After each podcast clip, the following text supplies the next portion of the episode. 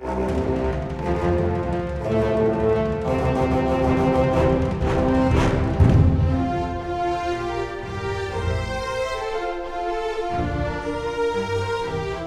til Frankrike forklart, en podkast der du får svar på alt du lurer på om Frankrike. Mitt navn er Frank Urban. Og jeg heter Geir Uvsløk. I dagens Frankrike forklart skal vi snakke om motesektoren i Frankrike, særlig det som kalles haute couture, og om aktørene bak luksusmerkene vi alle vet om, men som ikke alle har råd til å kjøpe. Hvem lager slike produkter, og hvem kan kjøpe dem? Hva betyr fransk haute couture internasjonalt i et globalisert marked, og sist, men ikke minst, hvordan rammes denne sektoren av koronakrisen? Dette er spørsmål som vi drøfter i dag sammen med vår gjest Véronique Bouillard. Velkommen, Véronique. Tusen takk. Veronique er belgisk, og hun er professor i historie ved Universitetet i Oslo. Hun interesserer seg for moderne historie, med vekt på økonomisk historie og retts- og kulturhistorie. Hun har publisert arbeider om medie- og reklamebransjens historie, næringslivshistorie, opphavsrettens historie og mote- og tekstilhistorie. Hennes nye bok om den transatlantiske moteindustrien i det 20. århundre kommer snart ut på Harvard University Press. Veronique, La oss begynne med noe som kanskje virker litt uklart for mange, i hvert fall for meg. Eh, hva inkluderer begrepet mote og moteindustrien? Hvilke produkter og hvilke yrker snakker vi om? Takk, Frank. Um, moteindustri er faktisk nå veldig bred og veldig internasjonalt. Man sier globalisert. Jeg tror også ord på fransk mondialisasjon verdens uh, internasjonalisering er også særlig interessant. Kanskje denne mondialisasjon er enda viktigere uh, for oss. Så motorindustri er veldig bred. Det er um, rundt 2% i totalverdi som er produsert fra industriene i verden i dag.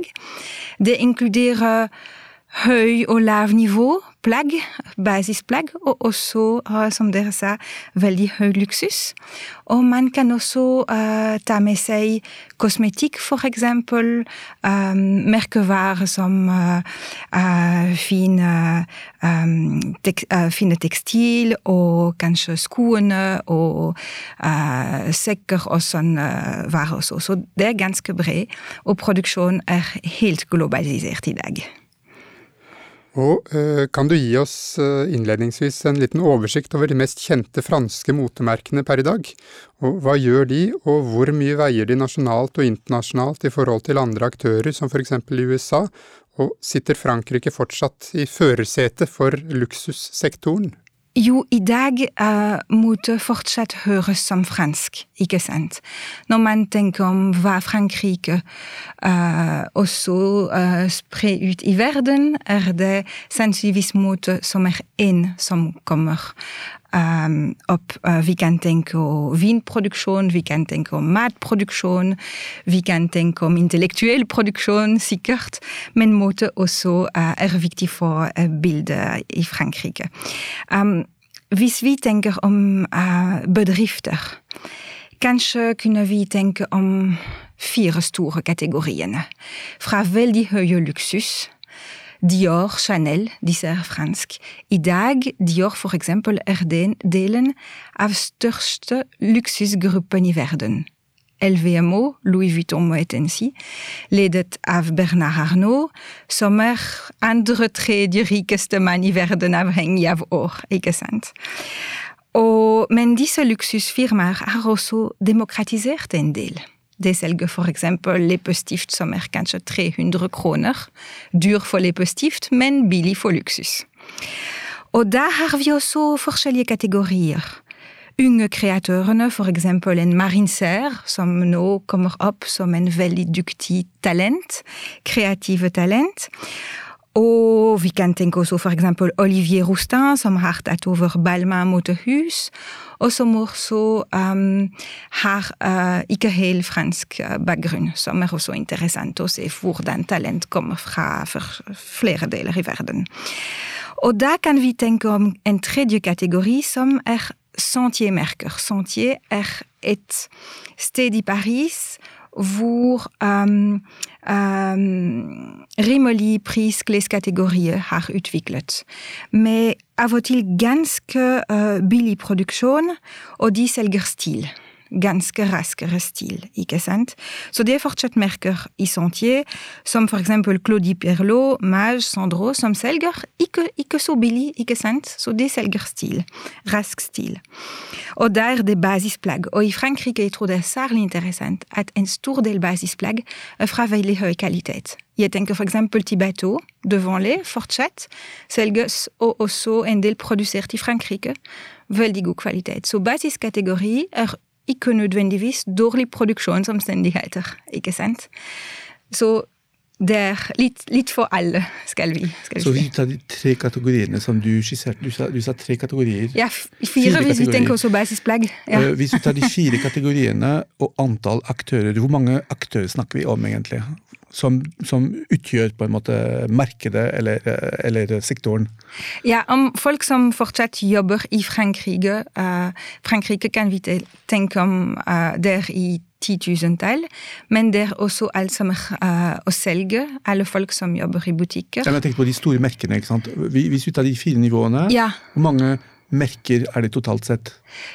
Snakker vi om ti, tolv? Um, total er sikkert ganske høy, også motehuser, ikke sant?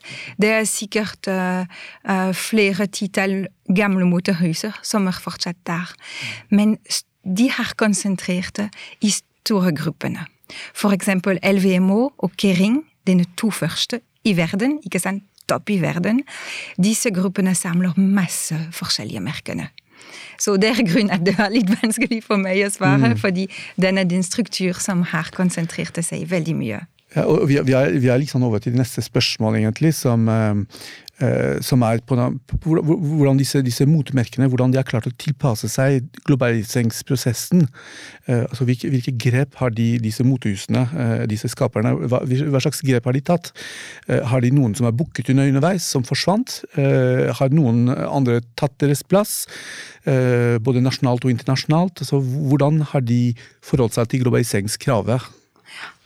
Takk. Um, så globalisering har vært um, veldig vanskelig for alle velferdsstater, ikke sant? Som er sannsynligvis spørsmål flere har snakket om allerede ved podkasten, som er veldig viktig. Hva om franske velferdsstaten? Og um, en, uh, et mulig svar er å um, hva er kalt finansialisering, tror jeg. Det er litt neologisme. Um, og det var først um, um, prøve å finansialisere um, i, etter, i, mellomkrigstiden, men uh, det var ikke suksessfullt. Kan du forklare finansialisere, for jeg tror ikke alle vet hva Så det betyr? Så ideen er å ta Ja, det er veldig viktig. Det ideene ideen er å ta uh, små bedrift, motorindustri som små bedrift, og gi disse bedriftene mer kapital, økt kapitalen. Og det var en finansmann uh, på begynnelsen av 1900-tallet, uh, kalt George Aubert. Jeg snakker om ham i neste boken jeg har skrevet. Og Aubert prøvde å gi mer kapitalen til en rekke motehuser. Med ideen at det blir mulig da å åpne bransjer i USA, for eksempel, og bli større på internasjonale marked. Men Aubert var, assos var assosiert med en bank, Ostrik Bank, som hadde veldig tragisk historie, som var tatt inn Ponzi. Uh, um, Ponzi-skjemaer, og, og, var tatt inn i uh, økonomiske kriser. Og Aubert um, døde i begynnelsen av 30-tallet i veldig tragiske, uh, tragiske uh, omstendigheter. Og så den neste muligheten til å Den neste prøve til å finansialisering var uh, Medior i 50-tallet. Og hva var veldig viktig der, var støtte av Bussac-gruppen. Og Marcel Bussac var en entreprenør som var særlig ambisiøs Uh, Boussac hadde tekstilfabrikker. Bussak Boussac også eiet mediene.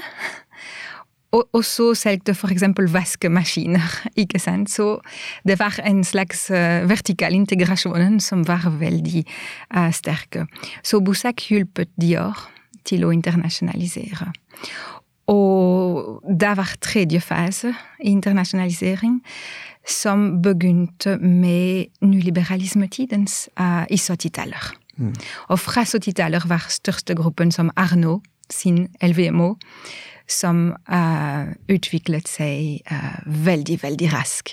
Og kjernen av Arno sin gruppe er fortsatt Dior, som uh, begynte i 50-tallet. ikke sant? Så det er lang historie. Du, du sa at Dior utviklet seg. Hvordan, hvordan gjorde de det? Hvordan ble de internasjonalisert? Så hva trengs, trengte var uh, mye mer kapital, så å finne investorene. Og de, disse investorene var fransk og hadde uh, veldig brede bedriftsportføljene. Så ikke bare kultur, men det var stor nok til å investere i kultur, og bruke kultur som en slags merkevaredesignlaboratorie. Og, og bygge gruppen rundt med flere bedrifter, men også med investering, som er ikke synlig som merkevare, men investering som kan være veldig bred og veldig forskjellige. Mm. Av de kjente merkene som, som toppet på på 50-tallet og 60-tallet, er det noen som forsvant? Som ikke klarte den overgangen til, til uh, internasjonalisering? Ja, det er merkene som forsvant. Som forsvant. Og det er veldig interessant å se også at disse bølgene er også um, relaterte til økonomi og til velferdsstaten. Fordi hver gang franske velferdsstaten utviklet seg, da var det vanskelig for kultur å finne strategiene, fordi um, småhendene blitt mye dyrere å betale for. Små hender, hva, hva er det? Um, ja, vi kan, uh, for, for, nå har vi jo sett på altså med selskaper som Dior og grupper som LVMH, så har vi sett på toppen av uh, motepyramiden. Så når vi snakker om små hender, eller le petit main på fransk, uh, så ser vi jo da på de som står bak luksusproduktene. og kan du si litt om hvordan de, eh, nettopp disse små hendene bidrar til moteindustrien, og hvordan de er eh, ansett? Så uten uh, små hender er det ikke noe kultur, ikke sant? Fordi det er jo veldig viktig å ha folk som kan gjøre alle disse uh, fine klær, fine uh, kreativiteten mulig. Og um, disse små hendene fortsatt er der i dag, bak store merkevarene. Også har blitt mye mindre i proporsjonen til alle rest luksusproduktene. ikke sant? Leppestift, for eksempel, er utviklet i store uh, manufaktur og sånn. Um, men disse små hendene fortsatt uh, jobber i motehus. Det er veldig hierarkisert, så man uh, begynner ganske tidlig i karriere og skulle i prinsippet lære seg veien opp. Og um, hva vi kan også se langs hele veien um, siste hundretall, er at uh, forskjell mellom lønn fra første grad uh, lærling og um, verksteddirektør, forskjell har blitt mye mindre, ikke sant. Så lønn har blitt litt mer likestilt, skal vi, skal vi si, um, i tiden. Og um, disse små hendene Um, så var også en ganske ustabilt uh, arbeidskraft. Fordi problemet var um, sesonger. Det er motesesonger. Og i lavsesonger folk skulle være bare arbeidsløse før velferdsstaten kunne hjelpe. Ikke sant? Så det alltid var problem. Og hvis vi går et århundre tilbake, vi kan se at for sosiale arbeider det var veldig mye bekymring også rundt moraliteten av disse små hendene. Spørsmål var jo, men nå er det arbeidsløs. Det vil snakke om kvinner? Kvinner, ja. Takk, Frank. Mest kvinner. Det er også menn. Men flertall var kvinner. Og spørsmålet var mellomsesonger. De blir arbeidsløse, og hva skal de gjøre? Og risiko var alltid prostitusjonen, ikke sant? Men denne uh, samfunnsbekymring var også veldig politikk. Fordi alle disse små hender kunne uh, ha veldig mye uh, mobilisasjon rundt sosiale agendaer. Så det var også veldig viktig å bygge opp konsensus, ikke sant. Så det er ganske fascinerende. Mange historikere har uh, arbeidet om, om, disse. Det er veldig fascinerende. Ikke minst det er en ting vi ofte glemmer, er at uh, også er veldig krevende. ikke sant? Vi kan tenke at kroppen og sånn som kan lide av sånn jobb. Men det også kan være mye glede å jobbe for høy kvalitet. Kreative glede. Glede å uh, delta i veldig fin arbeid, som også på en del representerer hva Frankrike kan gjøre, ikke sant? som er ganske spesielt. Når du, når du snakker om Det er jo et paradoks på en måte at du har motesektoren der du finner luksus og rikdom på den ene siden, og hvor moteskaperne lenge har vært menn altså disse store heltene eh, har vært menn. Det har vært noen kvinner, men det har vært menn. Og så har de disse små hendene, damene som syr. Eh, og, så, og, så, har du sagt at eh, lønnsnivået har blitt litt jevnere mellom toppen og, og bunnen. Men, men hvor, hvor, hvor, mye kjenner de? Hvor, hvor, mye kjenner man underveis på en måte når du begynner som lærling?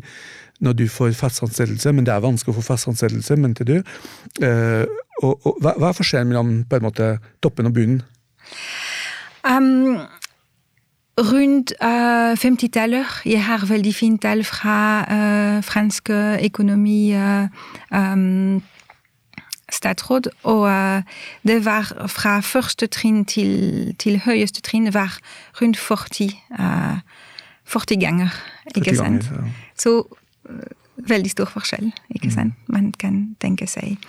Også veldig morsomt å tenke eksempel at rundt 1900, etter lærlinger Uh, dem som fikk minstelønn, var uh, modeller. Så nå vi kan tenke oss stjerne, om stjernemodeller, men det var ikke sånn uh, et århundre siden. Mm. Og de som fikk dårligst betalt? Ja, var dårligst, de var dårligst betalt. Og det var minst prestisje. Mens vi først er innom både rikdom og uh, dårlige lønninger, uh, Eh, og sosial status, så har vi jo sett de siste årene at Frankrike har vært rystet av flere sosiale protester.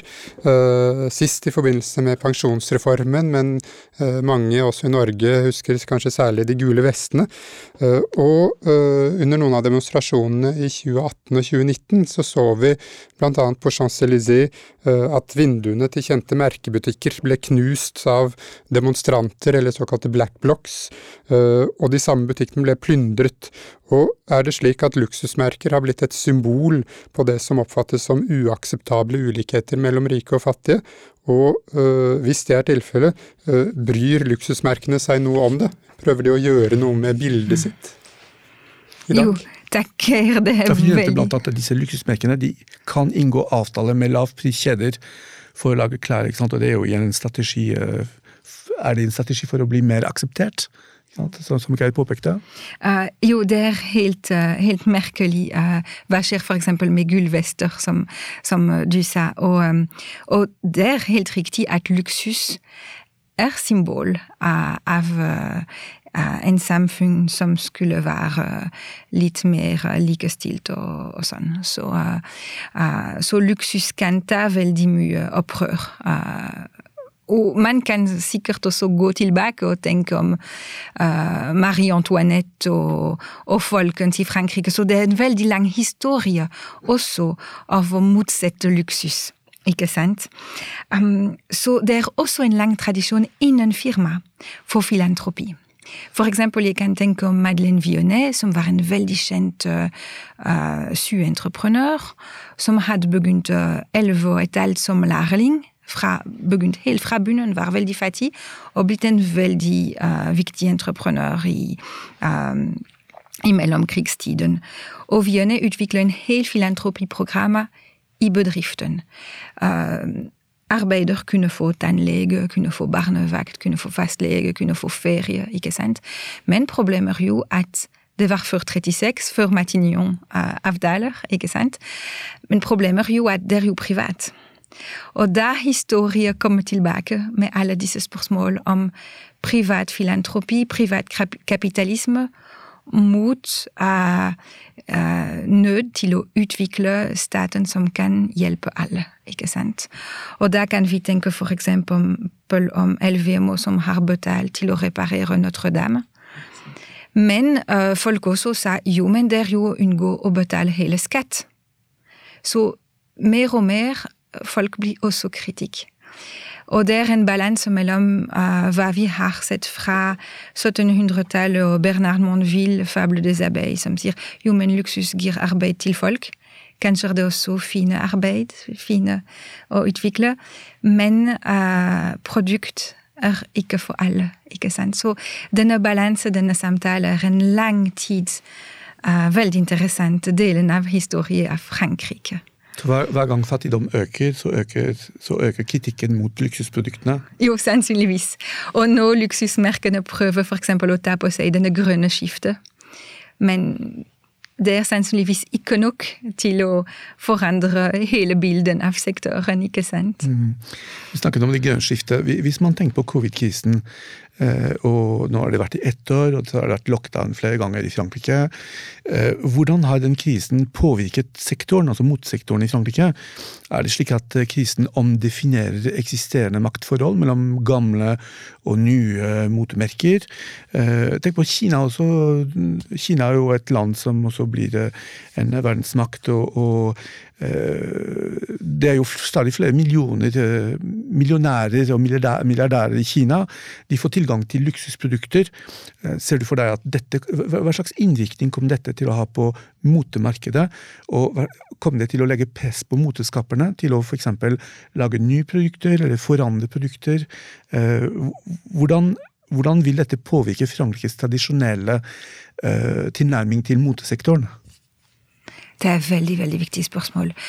Så før covid-krise, luksus var en av denne raskende voksende um, industriene i verden. ikke sant? Jeg tror rundt uh, 5 økning uh, stadig hvert år. ikke sant? Og nå COVID, i covid-år var 25 ned. Helt dramatisk fall for, fall for um, en sånn um, sektoren. ikke sant? Um, det ses ut prognose er at uh, fra f.eks. Uh, Bain Consultancy, som er en uh, um, ja, slags ekspertise, ikke sant, har prognose som er ganske, som ganske klar sier at det skal ta bare to år til å komme tilbake. Ikke sant, for luksus. Til samme um, voksende ja, utvikling. Og um, det, det, er um, det kommer fra Kina-markedet. Så disse som kjøper luksus i dag, uh, i større grad er uh, folk i Kina. Så et spørsmål der er kan uh, hegemoni fra Bernard Arnault Elvemo, fra Kering og Pinot, ikke sant? veldig store entreprenørfamiliene i Frankrike, kan denne hegemonien fortsette? Og er det mulig at ganske raskt de blir omplassert på toppen uh, fra uh, f.eks.